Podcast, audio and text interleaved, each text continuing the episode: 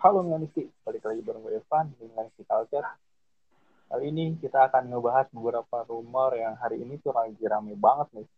Nah, di sini gue nggak sendiri karena gue ditemani sama tiga orang Milanisti juga nih. Ada Bang Prayogo yang baru balik kerja. Halo Bang Prayogo. Yo, Ada Bang Sinatra yang lagi mamingan di luar nih. Halo Bang. Yo, selamat malam Milanisti. Nah, satu lagi ada Bang Ibnu yang baru bangun tidur nih. Katanya bingung mau ngapain. Yo yo yo.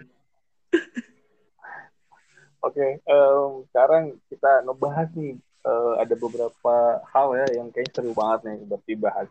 Yang pertama ada statement dari Rayola yang tiba-tiba dia pick up katanya soal Donnarumma yang di mana dia bilang katanya ya gua harusnya nggak disalahin katanya.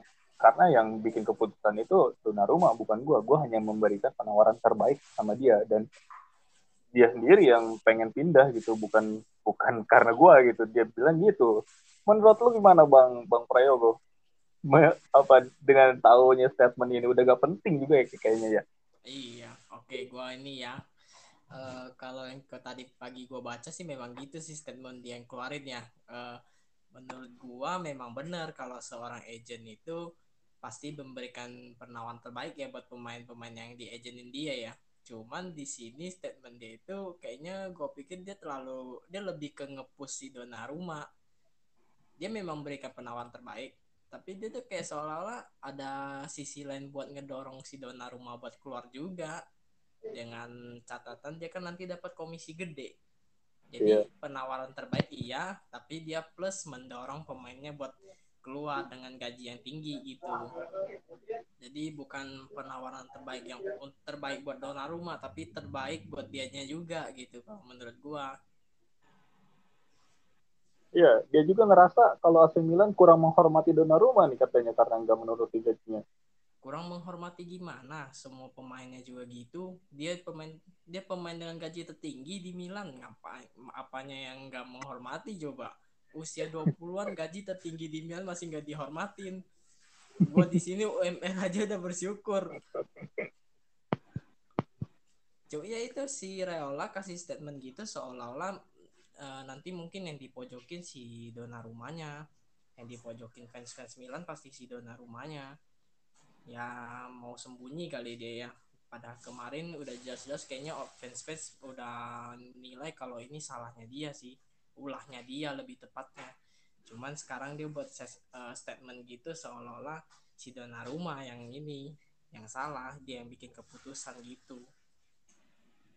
Iya, sampai ada itu juga kan apa eh, spanduk yang bilang kalau Donnarumma jangan sampai eh, muter-muter gitu jalan-jalan di Milanello atau di Iya. kota Milan gitu kan sama Iya. kota.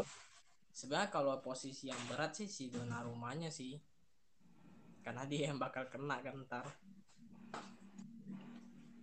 Iya. Ya, selanjutnya nih eh, Bang Sinatra Rayola juga bilang kan katanya eh, musim depan udah hampir deal nih Romagnoli ke ke Juventus katanya dengan free transfer itu kan bangsat ya. Ini maksudnya mau mau lawan Juve gitu kita. Romagnoli itu kapten kita gitu kan. Dan kemungkinan dia eh, starter besok. Dia malah bikin statement kayak gitu kan.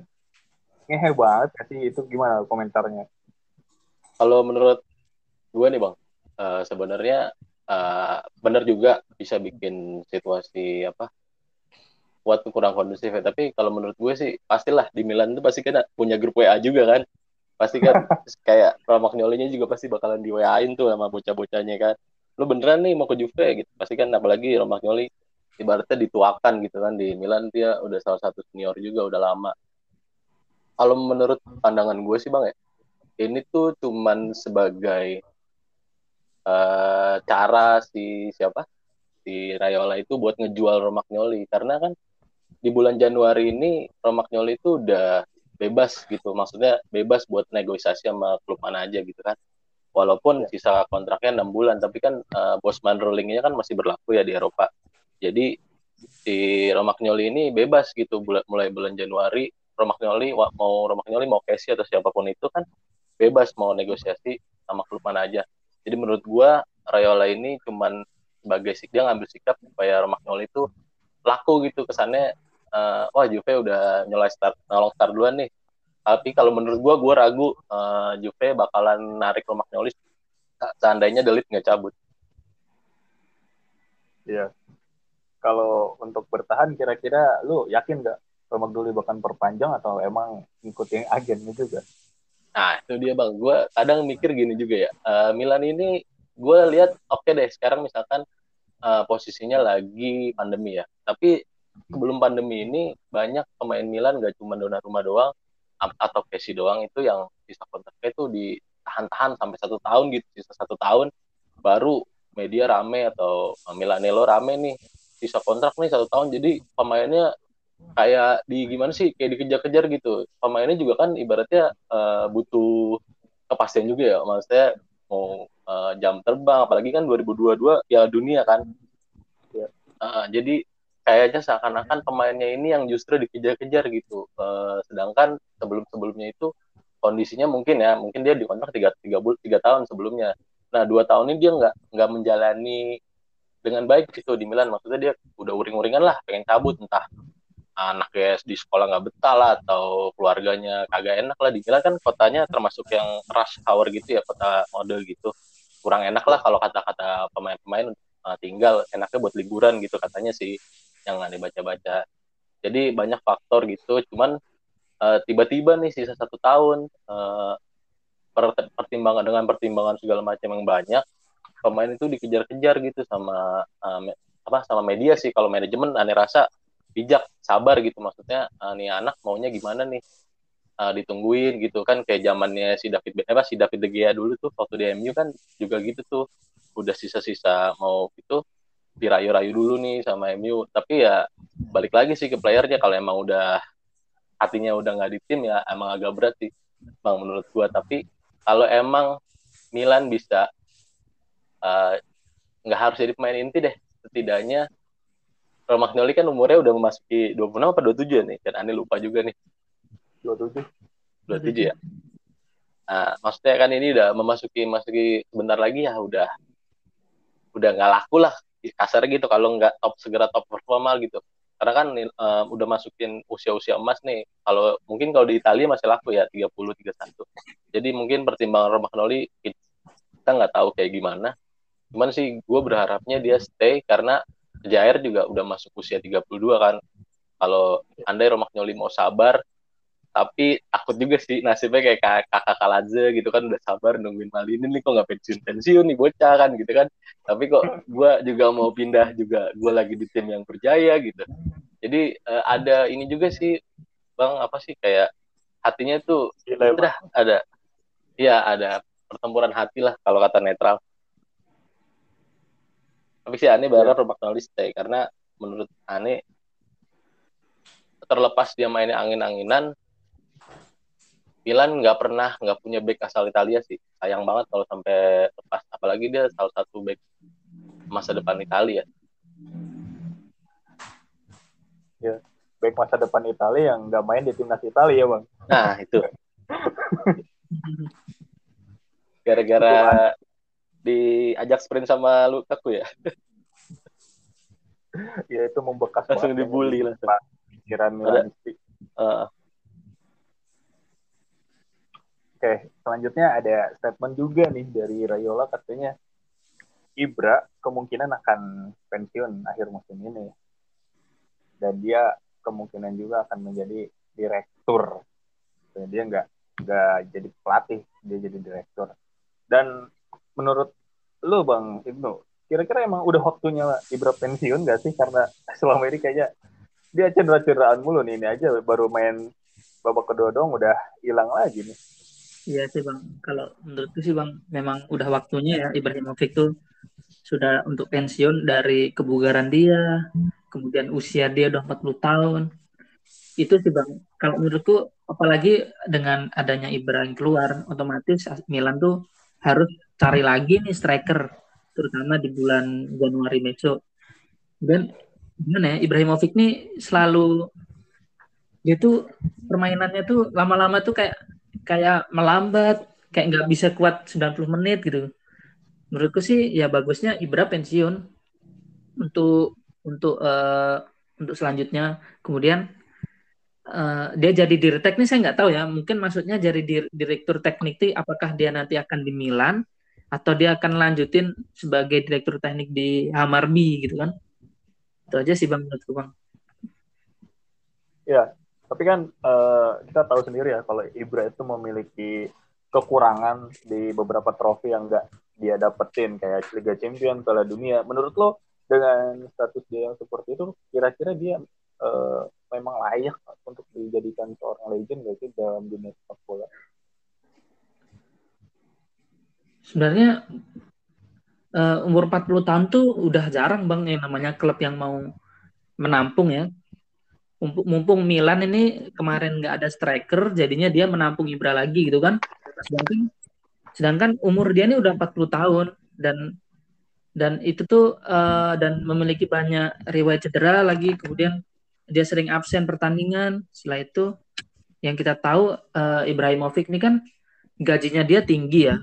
Apalagi untuk tim-tim tim-tim papan tengah papan tengah ke bawah tuh kan sangat tidak mungkin Ibra menerima ataupun klub yang lain juga menerima mungkin aja Ibrahimovic nih uh, karena Milan yang mau nerima dia jadi diambil aja gitu walaupun per, uh, apa gajinya dia cuma 6 juta euro atau 7 juta euro yang sangat jauh dari gaji dia di PSG itu ya Bang ya. Jadi menurutku yang terbaik sih menurutku Ibra ini memang harus pensiun. Udah umur udah umur 40 tahun, kebugarannya udah sangat menurun, sering absen, sering cedera. Jadi yang terbaik untuk keuangan Milan juga ya mending dia dipensiunkan atau uh, bisa pensiun di musim mendatang. Ya, udah udah waktunya dia pensiun ya kayaknya walaupun jiwa dia masih muda.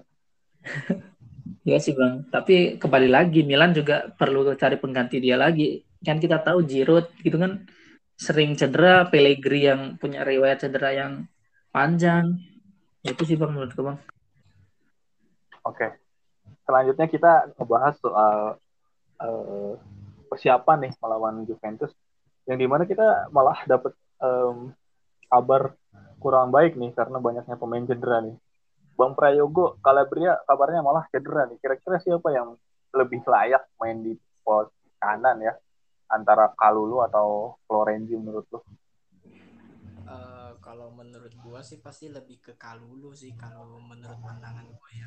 Soalnya Kalulu kan posisi aslinya kan di sana. Kalau sedangkan Florenzi memang uh, aslinya di sana back kanan tapi kayaknya dia lebih cocok jadi uh, cadangannya si ini backupnya si Salemakers.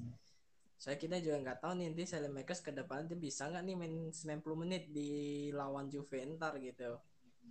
Secara lawan panitia liga kan tahu ada aja masalahnya. Jadi jangan jangan cuman si Florenzi yang jadi opsi buat gantiin si Calabria sih. Kayaknya si Kalulu Kalulu kan dari awal liga dia kemarin belum dikasih waktu main. Mungkin bisa lah. Dia bisa diandelin juga sih. Jadi Florenzi disimpan buat backupnya si Salemeka saja kalau menurut gua. Kan backupnya Salemeka sudah ada Samu bang siapa ya itu ya oh iya Galah, Jahat lu. dia backupnya Rebic aja deh kayaknya dia lebih cocok dia striker tengah sih. Kirain gua kiper bang. Hah? Waduh, kena tendangannya si Ciesa kayaknya abis tuh tulangnya remuk semua. Rontok ya? Iya. Dakinya rontok. Iya kalau menurut gue gitu Florenzi lebih bagus jadi backupnya Makers. Terus buat starter uh, kasih Kalulu waktu deh. Iya, dia juga udah bagus kan main di timnas Prancis.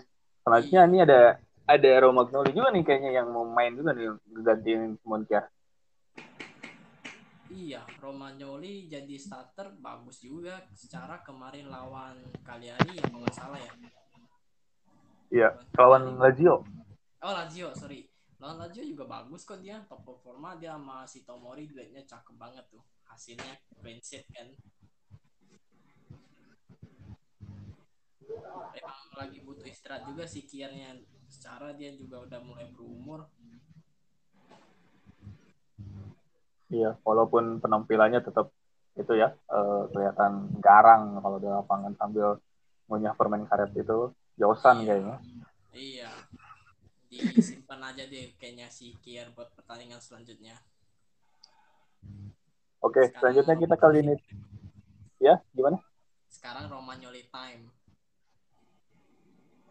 Iya betul. Buat pembuktian ya itu Romagnoli uh, gajinya 6 juta.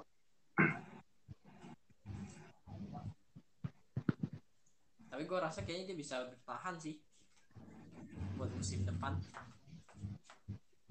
Ya semoga mm -mm. dia bertahan ya.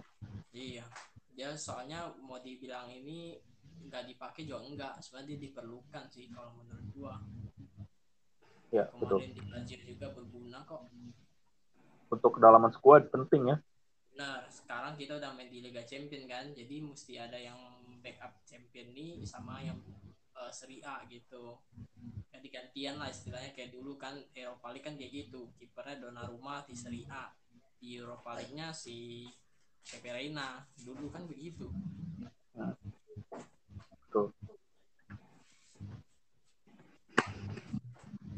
Selanjutnya kita ke lini tengah nih. Ada Bang Sinatra. Uh, gimana Bang, di lini tengah kita ada pilihan Tonali, Casey, dan Benacer. Yang di mana katanya Casey mainnya udah mulai ngaco karena mungkin pengaruh permintaan gaji yang pengen dinaikin dan Benacer juga masih belum fit ya. Yang siap mungkin masih Tonali aja nih di saat Bakayoko dan Krunic absen. Gimana Bang ini? Kira-kira siapa yang lebih baik berduet di lini tengah? Uh, kalau lini tengah Milan tuh kemarin gue sempat dengar-dengar dari berbagai macam media lain lah, entah pengamat atau reporter itu bilang kan katanya Messi ini agak uh, apa ibaratnya agak gugup bukan hanya karena Liga Champions ya tapi karena dia kan juga katanya inceran Liverpool ya banyak media yang bilang begitu kan Uh, cuman uh, beberapa kali gue mendapati, uh, oke okay, kita tahu nih misalkan uh, Milan ini dengan skuad mayoritas pemain muda baru turun di Liga Champion gitu. Nah si Pioli ini, gue nggak tahu nih ya. Uh, ini sih ba baru pengamatan gue doang karena gue ngeliat dari statistik juga parah banget kan. Uh, statistiknya Milan itu parah banget. Cuman masih bisa diambil dari sisi pengamatan do juga yang belum yang ibaratnya uh, kalau kata coach Justin lu kalau cuma baca data doang lu buta gitu kan nah kita coba ngambil dari dua sisinya kan sebenarnya Casey sama Benacer kemarin ini kan yang pas lawan Liverpool itu kayak uh, kalau mungkin kalau uh, apa namanya senior-senior di sini pada ngelihat mungkin ya pas gol pertamanya si Trent Alexander Arnold itu setelah setelah si deflectionnya Tomori itu Casey itu langsung dideketin pemain-pemain Milan tuh. Langsung disemangatin dadanya ditepok-tepok tuh. Ibaratnya Casey-nya tuh kayak loss. Konsentrasinya loss lah. Tapi nggak cuma Casey-nya doang situ Ben Acernya juga jadi tuh kayak main salah-salahan gitu loh. Maksudnya bukan cuma salah Casey doang lu juga salah di sini. Nah yang gue lihat di sini tuh lini tengahnya Milan ini gue nggak tahu ya gue cuma lihat dari pengamatan doang. Uh, banyak tim-tim Eropa lain yang mainnya sama 4-3-3 ada Barcelona ada Real Madrid ada Manchester United. Uh, City. Gue nggak bisa bilang 4-3-3 sih. Nah yang gue lihat itu jarang udah jarang udah jarang yang pakai double pivot kalau playmakernya nggak bagus-bagus banget dan wingernya bagus-bagus banget.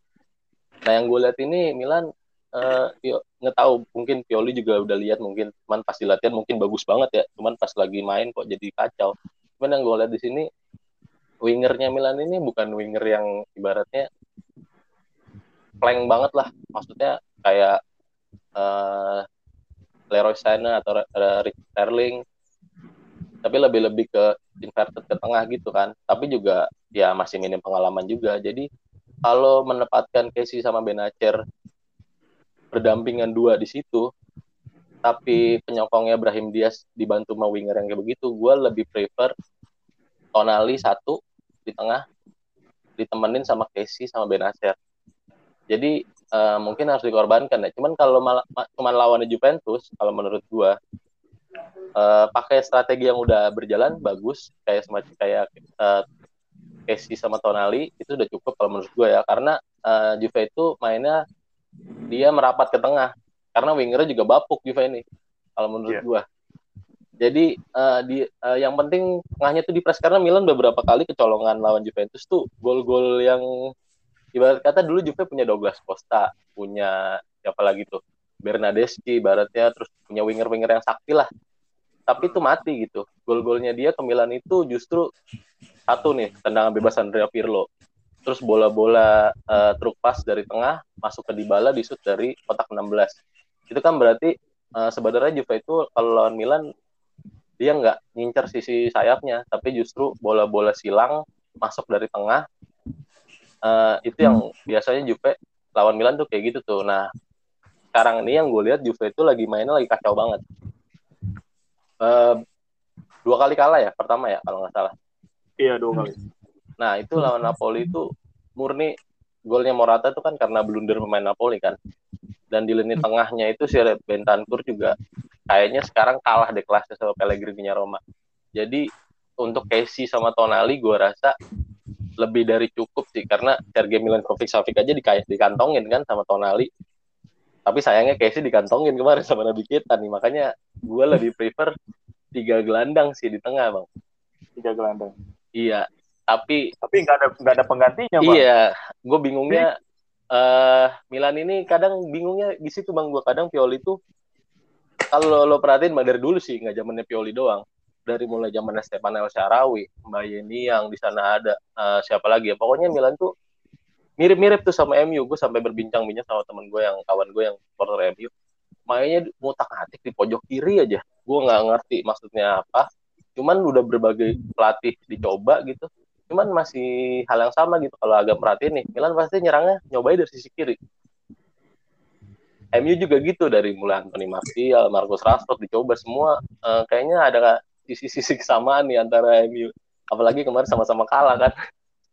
Iya sama-sama gagal juara juga. Jadi kalau gue lihat uh, Brahim Diaz ini bagus sih, cuman emang butuh waktu banget, sabar banget. Jadi kalau lawan lawannya mentok, ya Pioli juga harus ambil kebijakan jangan diterusin gitu maksudnya uh, rubah skema kalau menurut gue ya kan ya nih mohon izin nih sama senior senior uh, apa namanya mungkin kalau udah mentok gitu jangan cuman pakai empat dua tiga satu atau empat tiga tiga karena juga Milan strikernya depan Giroud nggak ada. Giroud Giroud nggak main Ibra nggak main.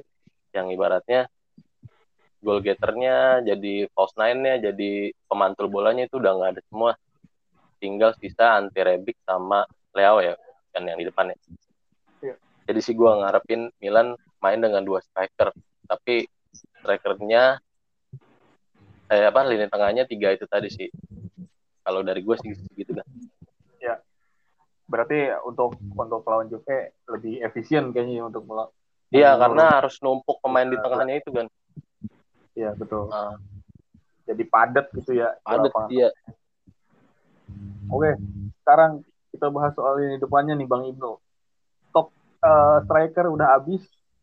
Uh, kita akhirnya uh, ngandelin Leo lagi atau Rebic gitu kan. Ya, Rebic pasti yang jadi striker, Leo di kiri, Ibrahim Diaz dan Sally Makers di kanan ini Leo bahkan nggak ada backupnya. Kalau Rebis striker striker Rebis juga backupnya Pellegrini yang belum siap secara fisik. Ibrahim dia cadangannya ada Maldini doang sedangkan di sayap kanan. Kalau Florezi yang main di back berarti kan cuma Castillejo yang jadi cadangan. Ini tipis banget nih lini depan. Kira-kira gimana nih Pioli ngakalinnya? Gimana ya bang? Kalau menurutku ya tetap formasi 4231 karena untuk mengganti strategi itu ya jangan jangan coba-coba. Apalagi lawannya Juve kan? Yang di mana dia udah dapat momentum bagus setelah lawan Malmo menang 3-0 3-0 2-0 3-0 tanpa uh, bobolan. Jadi menurutku mending tetap tetap dilanjutin 4-2-3-1 di mana nanti layout tetap di kiri Rebic di tengah rekor sisanya tetap si Ibrahim Diaz dan uh, kanannya tetap Makers tapi kita lihat lagi. Aku bingungnya di sini seandainya seandainya Leao atau Rebic cedera, itu siapa yang ganti? Itu aja sih, Bang. Petakna kan, petak. Iya bingung kan. Aduh. Kayak gimana ya? Misal Rebic cedera. Rebic cedera otomatis yang ganti cuma Pellegrini. Pellegrini.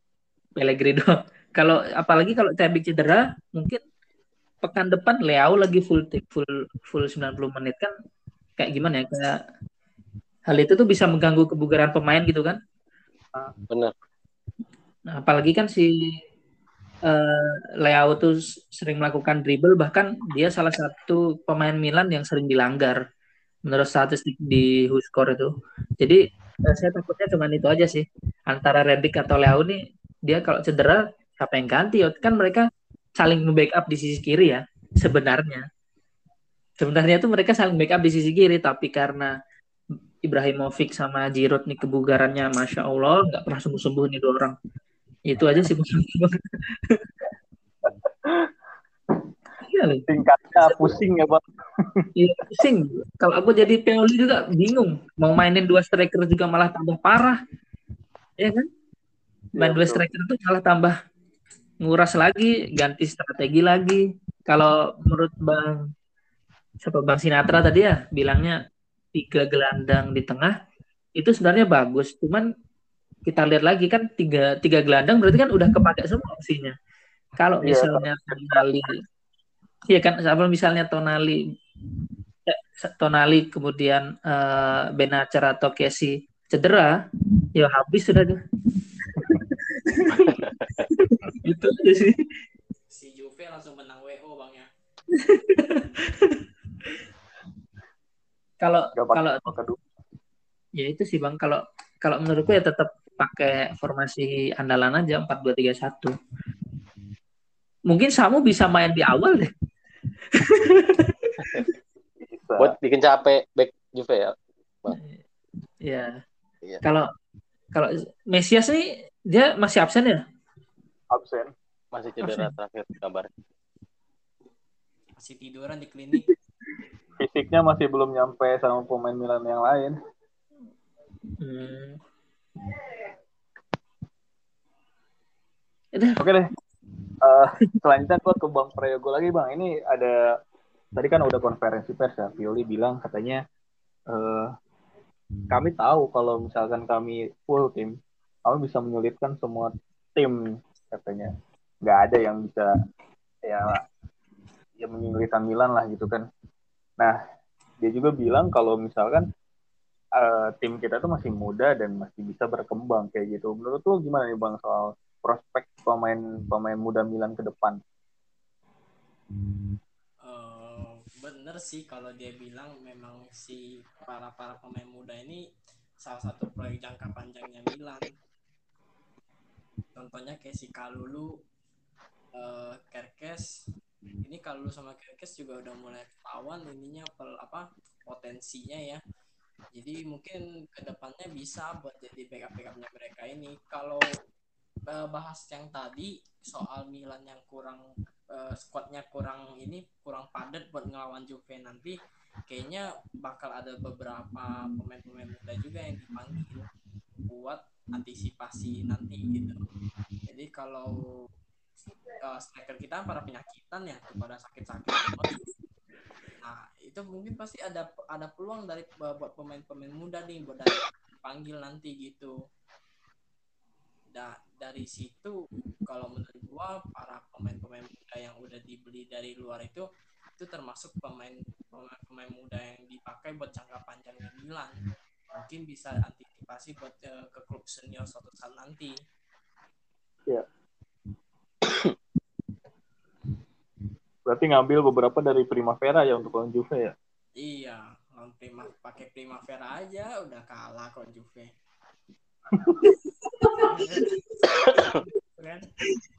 Merem ya. iya, Juve kan Ronaldo absen, Alan absen, Donnarumma absen. Del Piero absen ya. Tapi iya, Juve, betul. Juve, Juve tetaplah Juve, tetap susah. Wasit ya? Iyalah 12 orang. Tapi ya gua yang gua khawatirin sekarang kayaknya si Juve lagi on fire on fire-nya karena habis menang lawan Malmo ya. Lawan Malmo doang padahal si Milan juga sebenarnya lagi on fire. Eh, sempat menang di babak pertama Liverpool itu termasuk bangkitin semangatnya Milan sih. Walaupun kalah kayaknya mereka masih tetap on fire deh karena mereka berhasil hampir mengunggulinya si Liverpool si juara UCL beberapa dua tahun lalu ya. Iya. Tiga tahun lalu. 2019 kan 19 nah, 2019 jadi kayaknya mentalnya Milan sama Juve nanti bakal saling bertabrakan sih. Lagi all on fire on fire kan mereka berdua.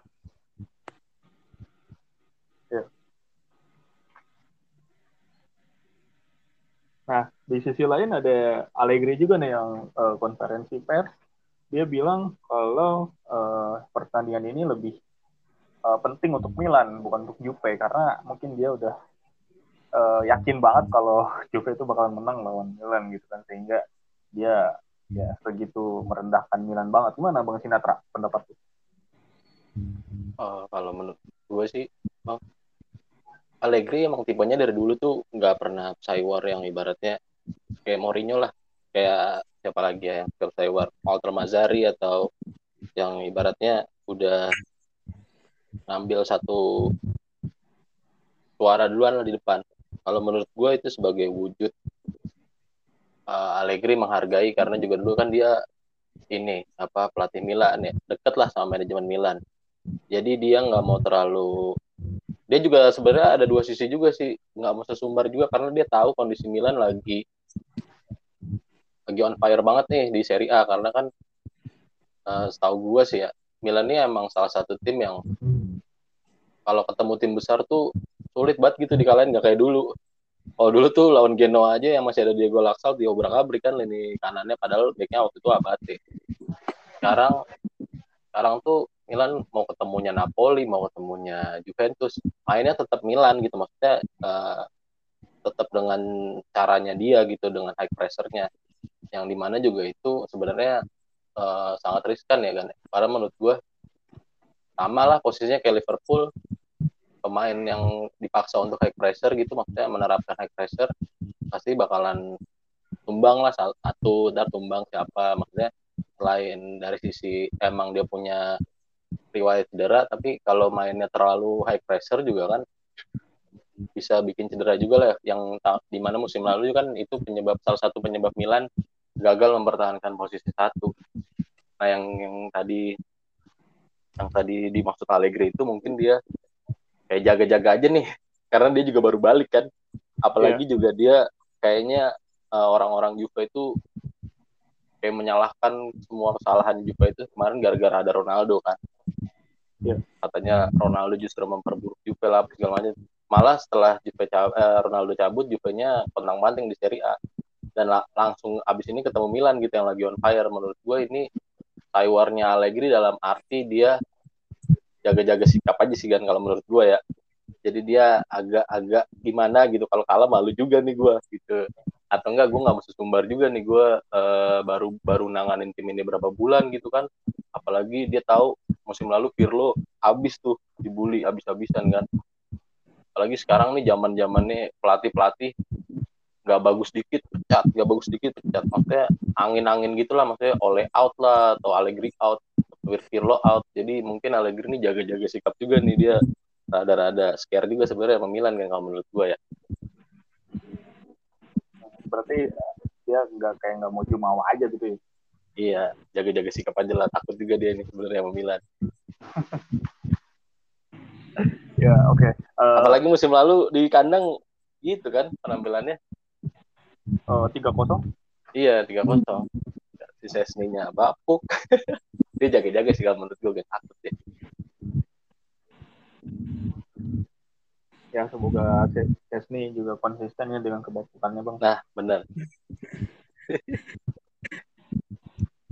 Oke okay, tapi kalau bisa sih bagus ya. sih kan maksudnya kalau lawan Milan aja bapuk ya. Kalau lawan yang lain semoga bagus. Ya bisa uh, ntar Beach ngacak-ngacak di ini di apa Chesney kan Rebic kalau lawan Juve bikin gol terus. Benar. Oke nih, uh, gue ke Bang Ibnu. Bang Ibnu, uh, ada beberapa uh, itu ya legend yang bilang kalau musim ini tuh kayaknya waktunya Milan untuk juara di antaranya kan ada Fabio Gimana? Capello. Kurang jelas, kurang jelas. Mohon maaf. ya ada ada beberapa legend kan yang bilang kalau musim ini tuh udah waktunya Milan buat Scudetto kan. Di antaranya kan ada Fabio Capello gitu kan, ada Sven Goran Eriksson yang bilang ya Milan udah jadi unggulan gitu. Menurut lo gimana bang? Ya, make sense sih bang kalau mereka bilang malah dari musim lalu ya Fabio Capello itu bilang Milan tuh bisa juara.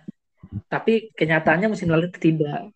Jadi menurutku di sini yang paling berperan penting itu ya kedalaman skuad karena musim lalu tuh kan Milan eh, kedalaman skuadnya belum seperti sekarang ya. Sedangkan eh, untuk musim ini itu sendiri dari semua lini tuh udah ada backupnya sampai du- dua atau tiga ya bang ya. Ya bagus. Ya wajar aja sih kalau eh, para legend tuh bilang ini udah saatnya Scudetto dari dari eh, pelatihnya Milan yang nggak ganti, kemudian sistemnya yang tetap. Setelah itu ada kekonsistenan antara pem- antar pemain.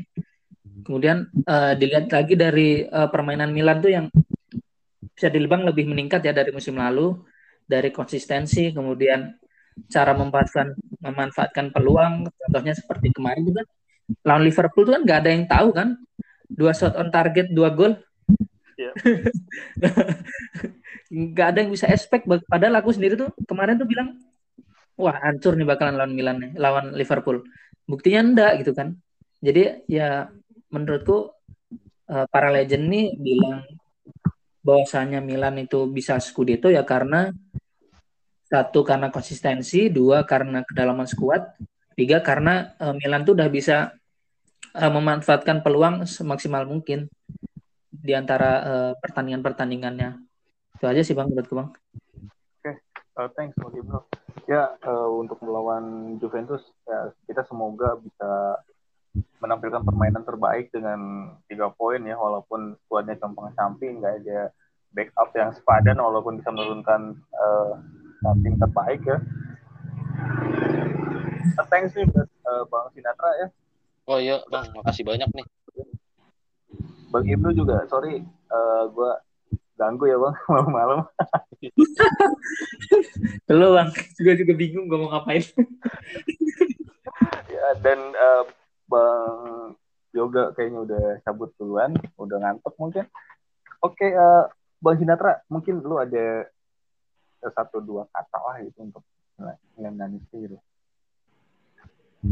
Wah, susah nih kan. Sebenarnya ini dilema juga sih.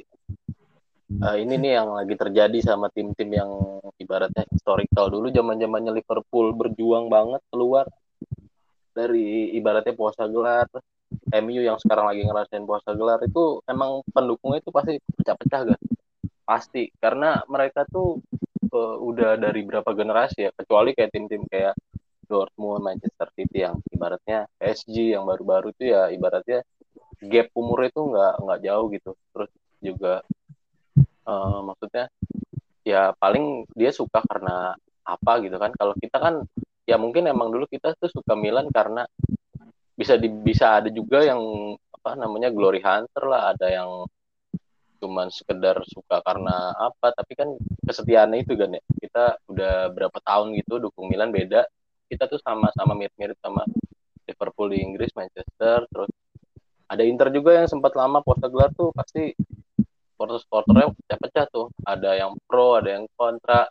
Cuman sih kalau dari gua eh, sebagai Milanisti yang kalau pertandingannya disiarin jam 3 kayak gue nggak nonton juga sih.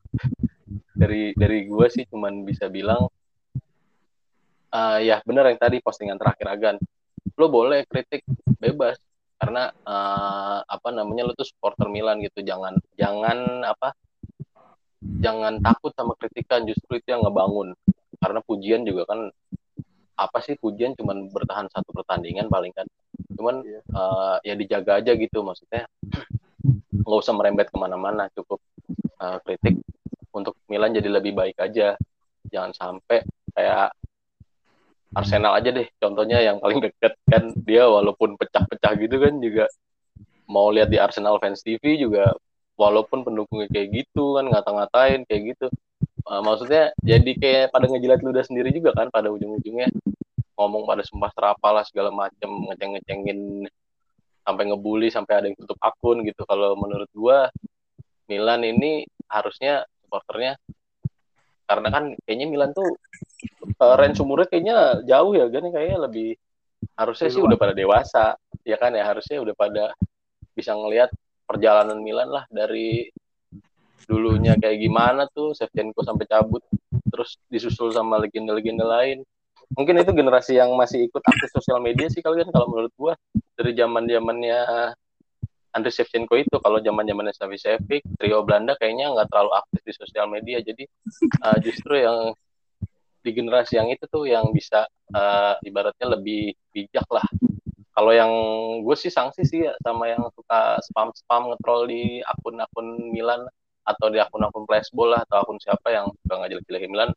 Itu sih paling cuman ya caper sama admin atau enggak ngetrol-ngetrol atau apalah sih pengen dilihat aja gitu kan. Cuman kalau kalau lo emang Milanis sejati kalau lu nggak tahan banget nih anjing nih Castilejo bangsat buang-buang peluang atau segala macam ya lu ucap aja gitu maksudnya lo ucap aja jangan sampai lo ketik. Karena kan kalau lo ketik uh, maksudnya nggak apa-apa juga sih kayak misalkan parah nih cuman sebatas itu aja. Cuman kalau dulu udah nyampe uh, ibaratnya personal gitu itu kan bakalan dibaca juga ya. Bahkan kan pernah nih gue lihat salah satu postingannya Milanistic Culture ya kalau nggak salah. Itu sampai dinotis sama pemain Eropa kan. Maksudnya ya bisa ngeling lah sampai sana orang-orang sana bisa lihat gitu dan sampai ngebully-bully uh, akun akun pribadinya. Dan itu menurut gue kurang dewasa aja sih kan. Kita uh, sebagai Milanistik kita tunjukin maksudnya beda gitu. Milanis itu beda beda. Bukan bukan glory hunter bukan bocil kemarin sore tapi kita justru ya walaupun masih ada yang bocil juga nggak apa-apa dukung Milan justru bagus. Tapi sikapnya itu yang dewasa. Jadi kita tuh e, juara Eropa tuh beda lah mentalnya lo mau, mau mau main kayak apa kritik aja. Playernya jangan sampai kayak Bukayo Saka kemarin kan tuh yang final Piala Dunia terakhir sampai ke personal banget. Kita nggak kayak gitu kita tunjukin Milan tuh ya udah. Malah kalau bisa setelah kritik kalau emang kayak Lejo kayak Radik Krunic atau kayak Andrea Conti gitu Tata Rusano kalau emang dia mainnya bagus kita harus standing ovation juga buat mereka. Kalau gue sih dari dari gue sih gitu kan oke okay, uh, thanks bang Sinatra. Bang Ibnu gimana uh, pesan-pesannya buat Milanisti kalau saya sih bang untuk Milanisti uh, kita tuh harus sabar ya terutama dari proses. Ini kan udah masih ini tuh udah proses yang ada progresnya. Kita bisa ambil contoh Liverpool zaman Klopp pada, pada tahun 2015 dia urutan 8 loh, lebih buruk daripada Pioli. Dia tuh urutan 8, kemudian dia naik dari menjadi urutan 6, urutan 4, urutan 4, urutan 2, urutan 1. Dan musim kemarin tuh juga sebenarnya dia nggak nggak nggak jelek, dia karena banyak cedera aja sama juga seperti Milan gitu kan. Jadi menurutku uh, untuk Milanisti berpesan kita harus percayalah sama Pioli, terutama ini tuh ada proses yang ada progresnya gitu loh. Jadi uh, untuk Milanisti semua, terutama jangan ada namanya sumpah serapah, terutama untuk pemain-pemain yang underperform, contohnya kayak kayak tadi ya, misalnya Leo sampah diketik. Kan itu kan udah itu, ada itu nggak objektif kan itu nggak objektif itu subjektif ya, subjektif itu banget itu.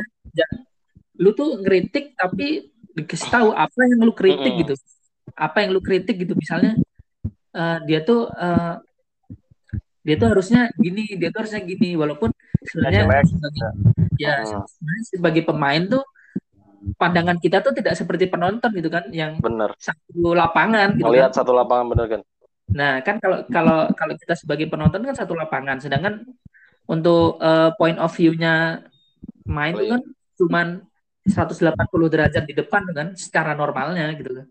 Yang megang bola gitu, doang. Ya.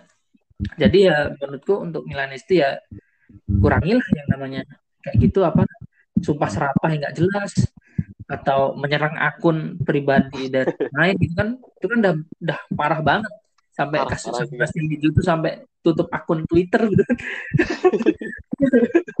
ya dan sama lagi untuk Nanisti ya sabar atau nikmatilah proses ini kan yang udah yang udah ada progresnya ke depannya kemudian selalu dukung kalau nggak sempat nonton ya ya sempetin nonton dia biar tahu biar tahu gitu Iya, kondisi perkembangannya. gitu nggak nggak asal nonton highlight Benar. bilang tolol Iya.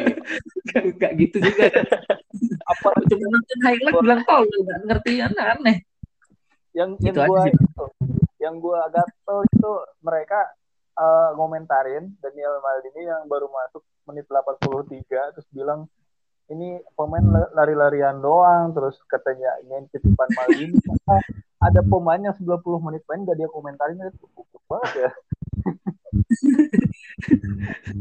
iya kan apalagi Maldini kan masih muda gitu kan Iya, main 19. buat cuma 10 menit udah dikritik habis-habisan kan aneh gitu.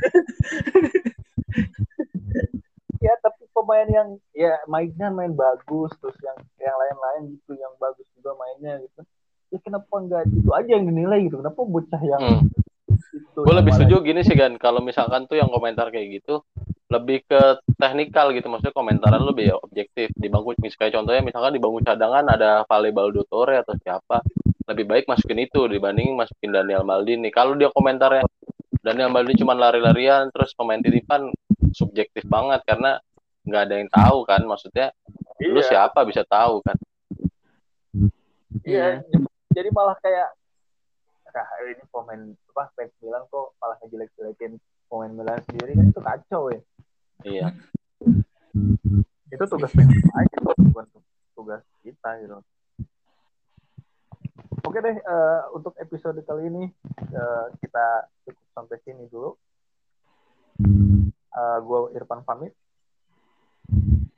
Ya bang, gue pamit juga nih. Terima kasih banyak buat para senior dan pendengar. Mohon maaf nih apabila ada salah-salah kata nih. Gue bukan senior bang, gue Milan STU 23 bang. Pokoknya gue doain nih uh, fanpage-nya, akun Twitternya sama Instagramnya makin maju lah. Amin. Thank you ya. Yoi, bang.